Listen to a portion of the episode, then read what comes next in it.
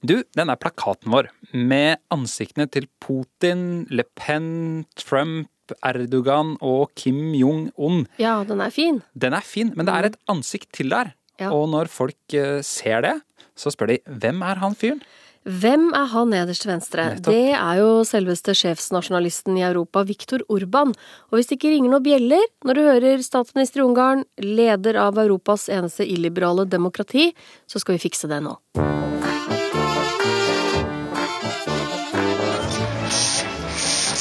Right now, the world is a mess. Le terrorisme, c'est le fondamentalisme islamiste. 지상 대 지상 총장거리 전략한 듯한 Well, Norway will just will have to understand that uh, becoming a far front of NATO, it will uh, face Russia.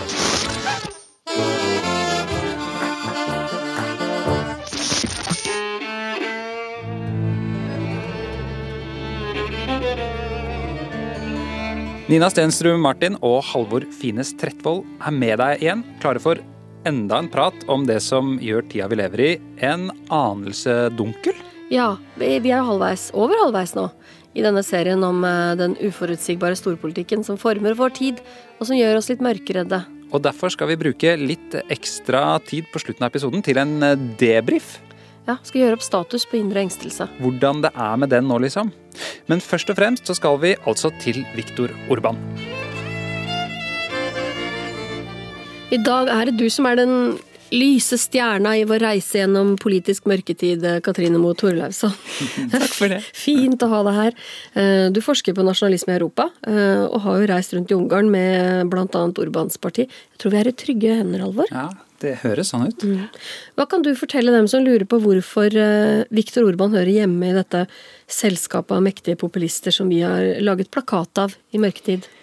For det første er jo han en populist, og han avviser både globalisering og europeisk integrasjon. Og fremhever seg selv som nasjonens redningsmann. Ikke bare Ungarns redningsmann, men også den vestlige kristne sivilisasjonen. Hei sann! Ja. Ja. Det var mye på en gang.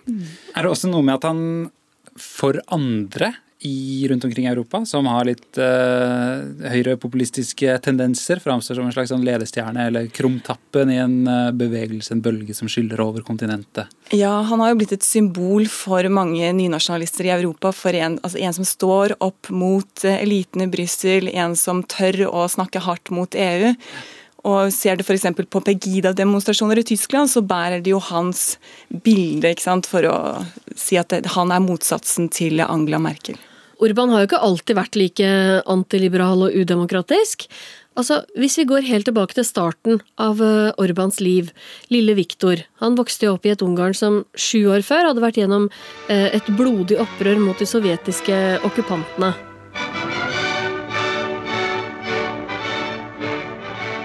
Det som nå skjer i Ungarn er dypt tragisk.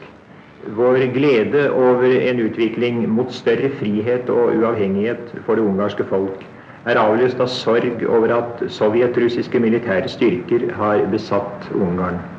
De ansvarlige i sovjetsamveldet må ikke være i tvil om at de opptrer i strid med en samlet verdensopinion hvis de nå med våpenmakt slår den ungarske frihetsbevegelsen ned. Med dette som bakteppe, Katrine, hvordan har livet forma Viktor Orban? Jo, altså Han begynte jo som mange ungarere under kommunistregimet. og Han var medlem av kommunistpartiet for i det hele tatt kunne gå på skole. Så dro han i militæret, og så begynte han å studere juss. Og Da skjedde det en ganske radikal endring, en politisk oppvåkning. Og han holdt bl.a. en eh, flammende tale i 1989 hvor han snakket om Imre Nagy, altså en av motstandskjemperne i oppstanden i 1956 mot kommunismen. Og brukte den hendelsen for å si at nå må vi ha frie valg, nå må vi få kommunismen vekk. orosz megszállás és a kommunista diktatúra 40 évvel ezelőtt történt bevezetése óta a magyar nemzetnek egyszer nyílt alkalma Og den talen ble mottatt til nasjonal begeistring. Her var det en som skjønte at nå var det på tide å komme seg vekk fra eh, kommunismen. Så Så da ble han ei stjerne, da, eller? han ble en slags ung stjerne, 26 år gammel. Og så eh, kan du si at han eh, ble også medlem av parlamentet, og han dro til Oxford og studerte statsvitenskap. Men samtidig skjedde det også noe fra han kom til makten i 1989. Og det var at han dro fra den radikale ungdomsbevegelsen og gjorde Fidesz til et mer høyrekonservativt eh, kristent parti. Fascinerende det der med at han, at han studerte statsvitenskap i, på et av de mest prestisjefylte vestlige universitetene. Og likevel så er han eh, i dag talsmann for det man kaller et illiberalt demokrati. Hva ligger i det? ordet der, egentlig? Altså, det illiberale demokratiet, det vil si at det er et demokrati, det er frie valg, men det er illiberale verdier. Og under Orbans ledelse så har han jo dratt eh, landet i en illiberal retning og gått til angrep på fri presse, på frie institusjoner, på valg og ikke minst også domstol. Mm. Han har utnevnt f.eks. regimevennlige dommere. altså Han har fjernet kritiske røster, da, sånn at han gjør det vanskelig for de som er uenige med han, til å komme til orde. Så det er når du fjerner kritiske røster i et demokrati, så går det også mer mot den eh, illiberale. Men du, han styrer altså um, Ungarn med dette nasjonalkonservative partiet Fidesz, med støtte fra et annet parti som heter Jobbik, som er Europas største høyreekstreme parti. Ja. Uh, og, og, sammen så har de da dominans i parlamentet og får, og får pumpa gjennom disse lovendringene. Hva er det som bør liksom bekymre oss mest av de endringene som de partiene sammen driver og gjennomfører? Jeg vil si alt de gjør. altså Veldig mange av innskrenkingene av pressens rettigheter, av domstolens rettigheter. Og også dette at de flørter veldig åpenlyst med den radikale nasjonalismen. Ungarn har en mørk historie, både med folkemordet på ungarske jøder og andre minoriteter. Og Jobbik har jo kjent for en veldig antisemittisk, antisiganistisk retorikk. Mm. Rett og slett eh, fordommer mot eh, romfolk. Og mm. Ungarn har en stor eh, romminoritet. Men en annen ting som jeg, som jeg liksom har tenkt litt på, det er jo at et land som i hele etterkrigstida fram til Sovjetunionens sammenbrudd levde under et sånt totalitært styre Tenk liksom, Er ikke det vaksinert mot illiberale tendenser for en ganske lang tid etterpå? Eh, hvorfor er det ikke sånn i Ungarn? Man ble lovet veldig mye etter kommunismen, at nå skulle det bli velstand og vekst. Mm. Og så er det mange som faktisk ikke har opplevd det, men har opplevd ja, både fattigdom, ulikhet, eh, ikke de mulighetene de trodde de skulle få. Og ikke minst så har du også en yngre generasjon da, som flørter åpenlyst med nasjonalisme, med dette med at vi hadde en storhetstid som vi mistet osv. Hvem er liksom kjernevelgeren til Jobbik og altså disse høyreekstreme og til Fidesz? Er det Ja, det er ikke bare gamle, sinte hvite menn i hvert fall. Det er ganske mange unge. Kjernevelgeren til Jobbik er mellom 18 og 24 år, bor gjerne i urbane strøk, så ikke bare på landsbyen heller. Og en overvekt av menn, men også en del kvinner. Er det også en sånn drøm om en, en eller annen idé om et gammelt, stort ungarsk rike som de kan, eh, skal gjenopprette, eller noe i den duren der? Ja, absolutt. De spiller på veldig sterk nostalgi for Stor-Ungarn, altså det ungarsk-østerrikske imperiet. Og Da jeg gikk sammen med en eh, jobbik eh, ung kvinnelig politiker gjennom parlamentet, så pekte hun på veggene og sa «We used to be a great nation». Altså, vi var mm. en stor nasjon. Så denne følelsen at vi egentlig har for lite land, og at vi en gang var storslagne, og nå må vi gjøre det storslagent igjen. Drømmen om imperiet. En annen ting med Jobbik er jo at de er glad i hardrock. Mm. Eh, eller de kaller det hardrock, det er jo kanskje kalle det mer dansband. Tenkte vi skulle høre på, høre på et lite strekk fra et band. Hva het det? Karpatia. Karpatia, ja. Eh, og her er det en litt spesiell trommis ute og går. Ja, Det er da partiets nestleder Daniel Karpat som er gjestetrommis med dette bandet, som har også fått utmerkelser fra regjeringen.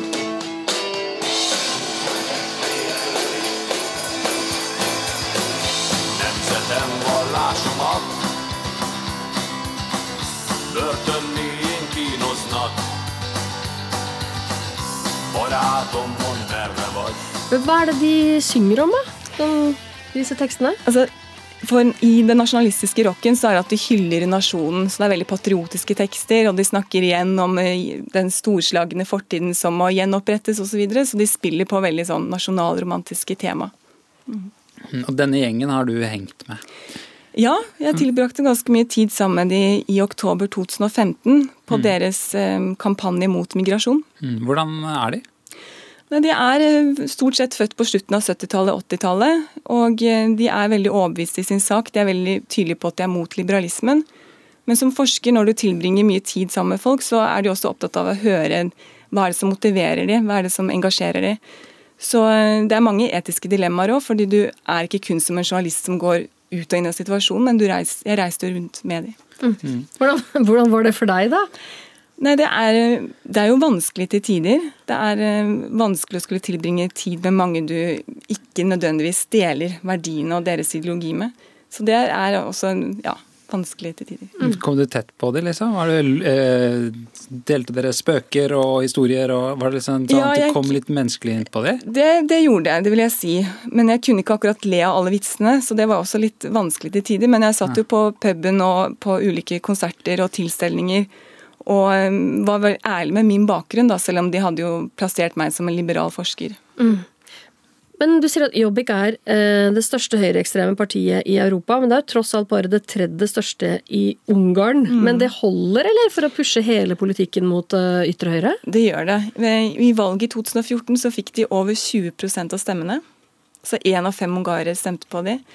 Og de har jo da en veldig sterk ultranasjonalistisk agenda som har påvirket Fidesz veldig. Men selv om uh, Urbans Fidesz og dette Jobbik til sammen har uh, dominans i parlamentet, så betyr det neppe at alle ungarere er enige i den politikken de fører. Så hvordan er det å være uh, i mindretall i opposisjon i Ungarn?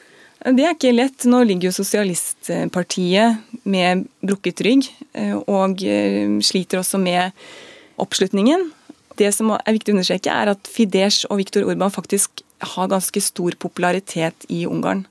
Samtidig så er det jo mange aktivister og bekymrede borgere og, og intellektuelle videre som er veldig bekymret for utviklingen og også protesterer mot den. Mm. Det er fortsatt et demokrati, eller er det liksom sklir det i retning av noe annet enn et demokrati? Noe mer sånn autoritært? Det er jo noen eh, som mener at det nå er en utglidning mot et autokrati. At han rett og slett konsoliderer, altså et? Ja, at mm. han konsoliderer sin posisjon. Men så lenge det er åpne, frie valg, nå er det jo valget til neste år, i 2018, så er det jo et eh, demokrati. Men eh, det som er med demokrati, er at de er veldig sårbare, for alle kan benytte seg av rettigheten til å protestere mot det. ikke sant? Mm. Eller mot det liberale aspektet ved demokrati. Minner litt om Erdogan, eller? Ja, Man liksom sånn inviterer folket inn til å gi seg selv mer makt? Mm.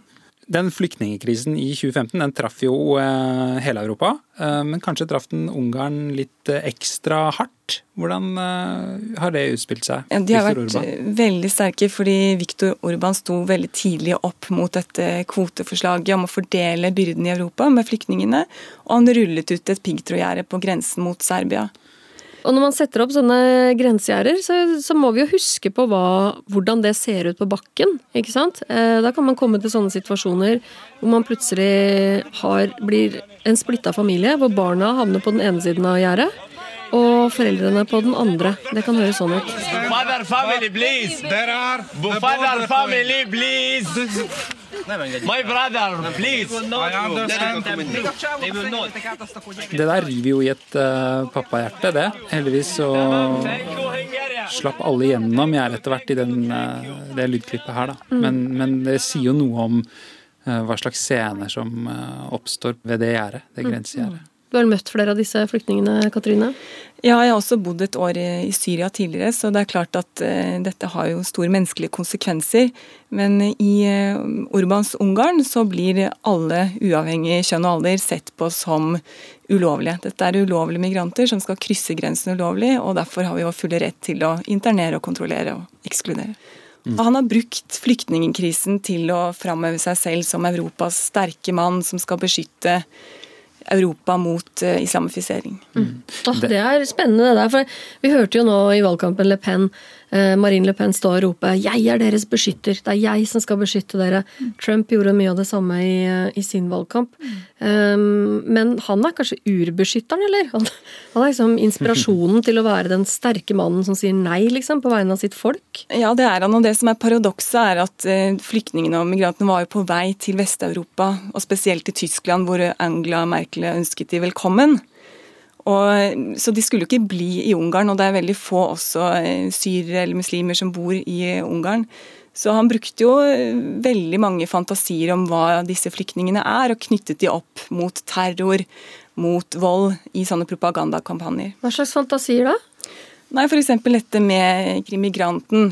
At er, de kommer her for å forgripe seg mot våre kvinner og barn. Eller hendelsene i Köln på nyttårsaften viser at alle flyktninger er potensielle eh, seksualforbrytere. Eller at terrorangrep i Europa viser at alle flyktninger er potensielle terrorister. Mm. Jeg så en, eh, en, sånn eh, opposisjonskampanje som forsøkte å si at det er jo lettere å treffe en eh, marsboer, altså eller å møte en ufo i Ungarn, enn å møte en flyktning. Det er veldig lite innvandring. Det er noe mangfold i Ungarn, fordi du har jo en stor romminoritet og en stor jødisk minoritet, men det er lite innvandring til Ungarn. Så ja. Eh, jeg husker fra videregående, vi var på sånn eh, busstur til Praha og mm. gjennom Sentral-Europa og sånn, og, snakke, og da husker jeg at vi lærte om det gamle keiserriket, Habsburgerriket og sånn, det, som jo også gikk inn i Ungarn, så jeg husker, kan det stemme? Mm. Og det var veldig sånn multietnisk, mm. sammensatt, masse forskjellige folkegrupper og sånn. Men nå høres det ut som at det er en eller annen idé om et mer etnisk rent nasjon da, som man skal prøve å ja, og, Jobb, og Jobbik er jo en promotør av det. ikke sant? De er veldig etnonasjonalistiske og har en idé om at vi har en ren etnisk eh, identitet som må beskyttes. Og det er jo et stort paradoks i en region som alltid har vært mangfoldig. Og... Sånn geopolitisk, altså Når du er plassert sånn i hjertet av Europa, litt vanskelig kanskje å tenke at man aldri har hatt noe gjennomtrekk. Samtidig som nasjonalisme i akkurat den regionen historisk har hatt eh, ganske mange ikke så hyggelige mm. følger og konsekvenser. da. Når du snakker om um, Orban som liksom den ultimate beskytteren, ikke sant? hva er det han beskytter sine ungarere mot? Er han på helt sånn sivilisasjonskrigsnivå? Det er begge deler, men han snakker faktisk mye om behovet for å beskytte vestlig kristen sivilisasjon, og at innvandring fra muslimske land utgjør da en eksistensiell trussel mot eh, Vesten. Så han har ikke bare benyttet da flyktningkrisen til å se på seg selv som Ungars beskytter, men også som beskytter av sivilisasjonen. Er dette en sånn herre Wiens porter-tankegang? Altså at uh, i historisk så kom islam gjennom Europa oppover Balkan og sto rett utenfor Wien. Er det det som er referansebakgrunnen han snakker på den måten her, sånn? Ja, det er nok samme også rasjonale bak det, at ja. de må beskytte Europas grenser og porten til Europa ikke ja. sant, fra denne masseinnvandringen. Ja. Gates og Vienna er også en av de mest sånn høyreradikale bloggene mm. der ute på internettet. Men da er det jo sånne typer som Angela Merkel eh, som blir fienden, ikke sant, som mm. sitter på andre siden av et gjerde og sier velkommen. Og eh, George Soros. Hvem er han som Urban utpeker til fiende? Ja, han er en amerikansk-ungarsk eh, filantrop, og også av jødisk bakgrunn. Og han har lenge vært eh, promotør av det åpne samfunnet.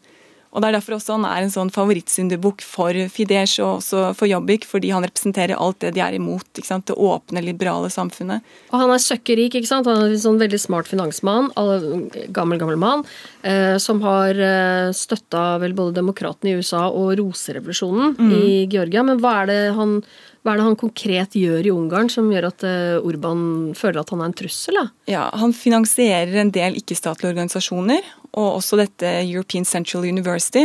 Men paradokset er jo at eh, Urban selv var jo på et stipend fra Soros-bevegelsen i Oxford. Oh, the irony. yeah. Så, eh, men han, det er klart han finansierer mange ikke-statlige aktører, og det er dette Urban vil ha en slutt på. Dette kan jo folk ha fått med seg i det siste, at eh, Urban innførte en lov mot sånne utenlandsregistrerte universiteter, som førte til at dette prestisjetunge universitetet som da George Soros hadde grunnlagt og finansiert, ble stengt. Og det har jo vært demonstrasjoner i ukevis.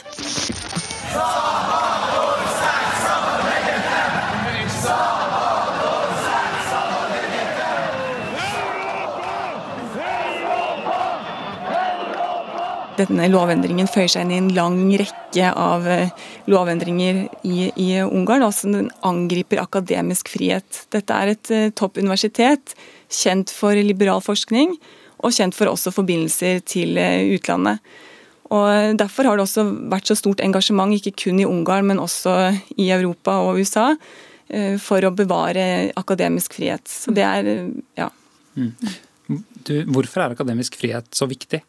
Det er kjempeviktig. Det er en del av eh, det liberale demokratiet. Det er en del av å ha mangfold av eh, ideer, og det er der også forskning skapes. Som kan mm. også være få frem nye ideer og perspektiver. Og fjerner du det, så blir det en veldig ensretting i samfunnet. Og det du ser også i Ungarn, at det er nå mye statlig styrt forskning som egentlig bare produserer funn som faktisk staten vil ha, særlig innen historiefeltet. Ja, Historie det pleier jo alltid å være en interessant uh, greie som uh, man prøver å bearbeide. Hvordan foregår det der i Ungarn? Er det sånn at uh, man skriver, forsøker å skrive om historien på en eller måte? For eksempel, mange politikere i Jobbik er historieutdannet, og de prøver nå å skrive om historien spesielt med tanke på mellomkrigstiden, og sier at Miklos Horthy, som var jo da Ungars leder i, i mellomkrigstiden, han er misforstått av historien. Og han var jo ansvarlig for å implementere veldig mange antijødiske lover, og også eh, samarbeidet med Hitler om deportasjonen og mordet på en halv million ungarske jøder. Som skal, sånn, som, skal, liksom uh, løftes opp igjen? Ja, som en patriotisk helt. Han har misforstått av historien. Han uh, mente egentlig alt godt for Ungarn. Så det var en sånn ny minnekultur mm. rundt Miklos Horthy. Nå har vi snakket litt om det med forskningsfrihet og sånn, men er det, og i de tidligere episodene av Mørketid så har vi hørt om hvordan media er blitt en slags sånn hovedfiende for enkelte av disse populistene. Er det tilsvarende for Viktor Urban? Ja, det er jo nå veldig mange eh, mediestasjoner som er statlig styrt, og han også har fjernet støtte til de som er kritiske til hans eh, regime. Så det er mm. klart at det er en eh, dreining der som er uheldig for mediemangfoldet. Mm -hmm. En kar som stadig dukker opp i denne serien vår, Halvor, mm. det er jo Nigel Farage. Eh, altså, Vi kan liksom ikke snakke om en mektig populist i Vesten omtrent, uten at denne mannen som leda UKIP og hele brexit-bevegelsen Frontmannen for å dra hale EU e ut av Storbritannia, og Storbritannia ut av EU. ja, kanskje primært det siste. Opp, han dukker opp hele tida. Mm. Eh, han er også viktig i forbindelse med Viktor Urban, eh, Katrine? Mm. Ja, altså Han har jo vært tydelig på at han beundrer Viktor Orban som sto opp mot EU eh, e og elitene i Brussel. Så det er klart at han eh, hyller de som mener det samme som han. Nå var nok Farage en enda sterkere EU-skeptiker enn Orban er, fordi han må balansere mye mer og holde seg inne med EU. Samtidig som man også tester grensene for hva EU kommer til å gjøre. Mm. Det er jo bitte lite grann penger også som kommer fra EU og inn i Ungarn. Men vi skal høre Farage eh, fri til, eh, til liksom EU-skeptikeren i Viktor Orban. Now you were bold enough to call a referendum and 88% of those that voted agreed with you. Surely logic says it's time you gave the Hungarian people a referendum on whether they stayed part of the European Union or not. Who knows? You might come and join the Brexit club. And then we could fight, and then we could fight for a nation of democratic states working together, trading together, and put this nonsense behind us. This nonsense, som i EU, altså. Det han egentlig roper på her, eh, Farage, er jo en sånn renasjonalisering mm.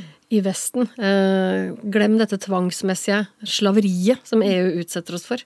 Og tilbake til de suverene nasjonalstatene som bestemmer sjøl. En slags mm. drøm. Mm. Tror du Viktor Orban lytter? Nei, jeg tror han er nok mer avhengig av EU, eh, e faktisk. Og han har mye mer ambivalent forhold til EU. Eh, e På den ene siden bruker han EU-skepsis veldig mye i sin egen kommunikasjon og propaganda, og på den andre siden er Ungarn også avhengig av de økonomiske bevilgningene de får. Mm. Er det riktig tenkt at Orban er en slags sånn uh, figur som blir forbilde for, for andre folk? Og hva han har brukt makta til, kan det si oss noe, tror du, om hva vi kan forvente hvis de får makt også andre steder? Ja, det tror jeg det kan. Eh, hvis de får makt andre steder, så er det nok sannsynlig at mange populister vil gå i samme retning. Dvs. Si fokusere på nasjonen framfor individers rettigheter. Ha en sterk eh, nasjonal identitet, patriotisme, og det skal trumfe på en måte andre rettigheter. Mm. Hvis vi ser litt større på det, Katrine. I denne serien så går jo mange av de samme årsakene igjen ikke sant, for hvorfor mange velger nasjonalister. Eh, beskyttere. De som vil isolere landet. Eh, være antiglobalister. Som vil fokusere ressursene på sine egne. Mm. Hva tenker du at motiverer den derre renasjonaliseringa, som det heter? Jeg tror det er eh, frykt assosiert med globalisering, altså med raske endringsprosesser. Det har jo vært globalisering lenge, men det er noe som har eh, skjedd de siste 10-20 årene. Det går litt raskere, og folk føler kanskje at de ikke henger med i svingene. Og det er ikke minst også økt ulikhet, mange som føler at de ikke får de samme mulighetene. Og sant, når EU lovte vekst og velstand, så var det lett å holde en knapp på det. Men når mange føler at det ikke innfrir heller, så er det klart at det blir eh, mer friksjon knyttet til da f.eks. en flyktningkrise. Så EU funka så lenge det ga økt velstand, og når den finanskrisa kom og det ble vanskeligere, og sånn, så ble det også synligere at det, eh, de problematiske sidene ble tydeligere? da? Ja, altså I litteraturen er det én stor diskusjon, og det er er det kultur eller er det økonomi. Ja. Og Jeg syns eh, ofte at det er for enkelt å si at det er enten-eller. Det er en kombinasjon, og det gjelder litt ulikt i ulike land. Hvis man ser det fra eh, den sida vi snakker om det mm. nå, så, det da, eh, så, forstår man plutselig hvordan sånne små, marginale, eh, ytre høyre, nasjonalistiske grupper plutselig kan ha tosifra eh, resultat ved valg. Men hvis man snur på det, da, så høres det ut som de ofte opplever en slags lettelse. Endelig setter noen bjella på sauen. Mm. Endelig er det noen som forteller om den virkeligheten som vi ser. Er det ikke viktig å liksom få med seg det perspektivet også? Det er kjempeviktig, og jeg har jo jobbet eh, mye med å intervjue velgere av, av disse partiene, og de føler seg mange urettmessig stemplet som rasister, som xenofobe osv. Og, og mange har helt konkrete, reelle problemer de vil ha politiske svar på. Spørsmålet er jo at antageligvis ikke disse populistene kommer med de rette svarene på deres eh, problemer. Men, det er det ingen andre som gjør heller. Populistene speiler deres uh, frykt og, og, noen sånne underliggende ting. Sånne verdier ja. kanskje og sånn. Ja, og så snakker de også om eh, rettigheter, de snakker om nasjonal identitet og kulturarv, som resonnerer kanskje med, ja, med Ik Ikke sant. Mm. Men du, du nevnte i, i stad at han har et slags ambivalent eller uh, tvetydig forhold til EU, han Viktor Urban. Men uh, han, han, han, reiste jo til Brussel nå ganske nylig for å møte EU-parlamentet. og fikk, eh, kan man si så hatten passa, i hvert fall, av uh, Gay Gay? Gay? Guy eh, Verhofstadt. Ja, spør du meg, så spør jeg nederlender Guy Verhofstadt. Guy Verhofstadt, som ja. i alle fulle fall da eh, skal lede EUs forhandlingsteam eh, i brexit-forhandlingene. Men, men vi kan jo høre hva han sa da han hadde Viktor Orban overfor seg. Prime Minister, Mr. Orban, uh, I don't know uh, if you remember the first time that we met uh, each other in that hotel in Budapest. That was in December 1900. Uh, 89. A little bit more progressive, I should say. I should say more social liberal, liberal a little bit like Emmanuel Macron at that time. So I, I should say you were the Emmanuel Macron uh, of Hungary in 1989. A lot changed since 1989 when we saw each other. You changed. You dumped your democratic principles.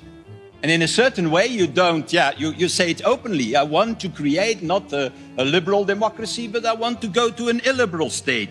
And the list is long for the moment. What you have done harassing NGOs, chasing away critical media, building walls, your attempt also, your opinion to reinstate the death penalty in your country, even when it is not possible based on our treaties. And now you have decided to close down a university. And my request to you is how far will you go? What is the next thing? Burning books or so? Det gikk jo som ild i tørt gress på sosiale medier, det ja, klippet her. Ja. Altså Han sier jo rett og slett 'hva skjedde med deg'? Mm. Hva skjedde med deg, Viktor Orban? Har du noe svar, Katrine? Nei, Det kan jo hende at han også har blitt forført av eh, egen makt. Og dette med å være Europas sterke, autoritære mann er en, eh, en veldig mektig posisjon å ha. Også selv om du ikke styrer hele Europa, så er det i hvert fall veldig i fantasien om Europa har han nå en viktig rolle. Mm. Men skal vi ikke også tro på at han kan ha sett lyset, liksom? At han kan ha hatt en helt reell ideologisk endring i sitt indre? Ja. Eh, at det ikke bare er maktbegjær, men at han rett og slett har tenkt at uh, her må noen stå opp og være den sterke mannen i Europa? Han tror på det? Det tror jeg absolutt. Og at dette er en modell han tror på for, eh, for framtiden. Men det er jo et stort paradoks når man, eh, disse landene er så globaliserte, så avhengige av hverandre, og skal gå tilbake til renhetstankegang og, og grenser. Så, mm. ja. Mm. En ting som, som, slår meg, det er at mm, det er veldig lett å sitte her i dag og tro at uh, det liberale demokratiet er et slags sånn endepunkt for, for, for, for historien. Eh, og at det som gjenstår er på en måte en slags sånn kamp innenfor det liberale demokratiet om å vinne valg og få flest stemmer og sånn. Det er noe kanskje nærsynt ved det. Kan det være at eh, det vi har trodd er historiens sluttpunkt, hvis man ser svært på det, bare er en slags litt blaff? Nei, og De snakket jo veldig mye på 90-tallet Francis Fukuyama om eh, historiens slutt, og nå er det kun det åpne samfunn, globale sivilsamfunnet som gjelder. Solidaritet over landegrensene. Og så ser vi nå i 2017 at i praksis så er det fremdeles veldig mye nasjonalstater og ønske om at den suverene nasjonalstaten skal både ha rett til å sikre sine grenser, men også hvem som skal bevege seg over dem. Det er ikke, men det er jo ikke bare sånn som at retningen er, eh, retningen er den samme, men hastigheten er blitt litt lavere. og Vi trenger å justere litt på den, for de har kanskje gått litt fort fram og sånn. Det er jo folk som prøver å snu det i en annen retning. Mm. Ja. Er det ikke sånn? Jo, og folk, folk, eh, som stemmer på disse partiene, de ser jo ofte da på Brussel som helt fjernt, og syns at det har jo også noe med hvilken skala for tilhørighet du kan ha. da. Mange vil heller da ha eh, tilhørighet på et lavere nivå, og ikke identifisere seg med transnasjonale organisasjoner langt unna. Mm. Du sa jo, Katrine, at uh, det er en ting som går igjen liksom, i bakgrunnen til dem som føler seg best representert av av Viktor Urban, og det er at de føler at de sjøl og, og, barna har blitt fratatt eh, liksom, håp om en lys framtid. Eh, har du noe håp for, om en lys framtid for Ungarn? Ja, absolutt. Jeg har også håp om et lys eh, framtid for, for, Europa. Men jeg tror det er veldig, veldig viktig også å slutte seg opp om noen verdier. altså Se på at det liberale demokratiet faktisk er viktig å, å forsvare.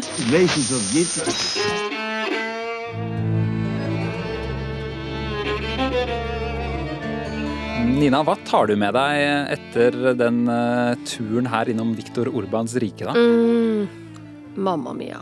Altså, det var veldig mye som var nytt for meg, eh, sjøl om jeg er litt nerd på, på disse greiene. eh, men jeg tror kanskje denne her som kommer igjen da, i hver episode, at det ligger en sånn altoverskyggende idé under om at Vesten står foran en, en kollaps. Mm. En, en, kommende total kollaps.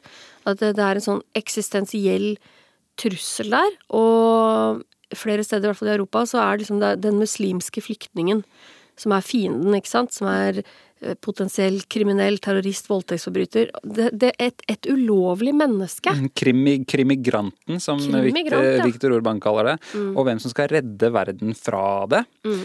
Det er jo en oppskrift på mer polarisering, tenker jeg. Ja, Så åssen er det med indre engstelse og uro da, da? Vel, jeg tror jo fortsatt at det nytter å prate. Eh, jeg føler at jeg har blitt litt smartere, skjønt litt mer, mm. og mindre urolig. I hvert fall mindre usaklig urolig, om du skjønner. Ja, for det var det vi snakka om, at eh, den uroen som mange deler om dagen, mm, den følelsen av at store, truende nyheter kommer sånn bardus på oss, mm. at det er det vi har lyst til å prøve å gjøre noe med, ikke sant? At man skal få litt grep om hva det er som ligger bak det som gjør deg uh, urolig. Uh, hvordan går det med det? Det er det jeg håper at vi bidrar med. Men det er et eller annet slags paradoks her. For vi er ikke flyktningbarn flyktningebarn internert i en syrisk uh, leir. Mm. Eller homofile i Tsjetsjenia. Nettopp. ikke sant? Vi er objektivt sett da, kanskje noen av de heldigste menneskene som har levd i verdenshistorien.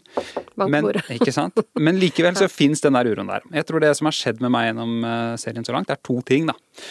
Ehm, for man kunne jo tenke seg at eh, jeg bare burde slappe av, og at eh, jeg egentlig bare har en litt livlig fantasi når det kommer til stormaktsspørsmål. Mm.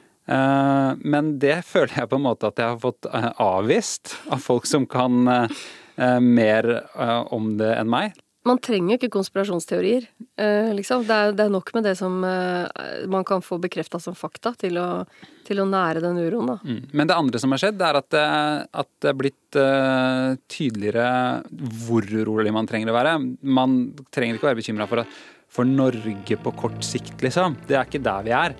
Uh, men at det er noen krefter der som kan være litt skumle, de tror jeg vi har fått identifisert litt tydeligere. Uh, og, og, at det er blitt litt lettere å ta tak i de og se liksom Den tingen der, ja, den var litt skummel. Ok, men da kan vi forholde oss til det. Spørs om det blir bedre i neste episode. Da skal vi finne ut av hva Erdogan egentlig vil med sin nyvunne makt i Tyrkia. Hvordan det vil påvirke krigen i, i Syria, flyktningstrømmen til Europa, makta i Midtøsten? Sånn Intet mindre, småtteri. rett og slett.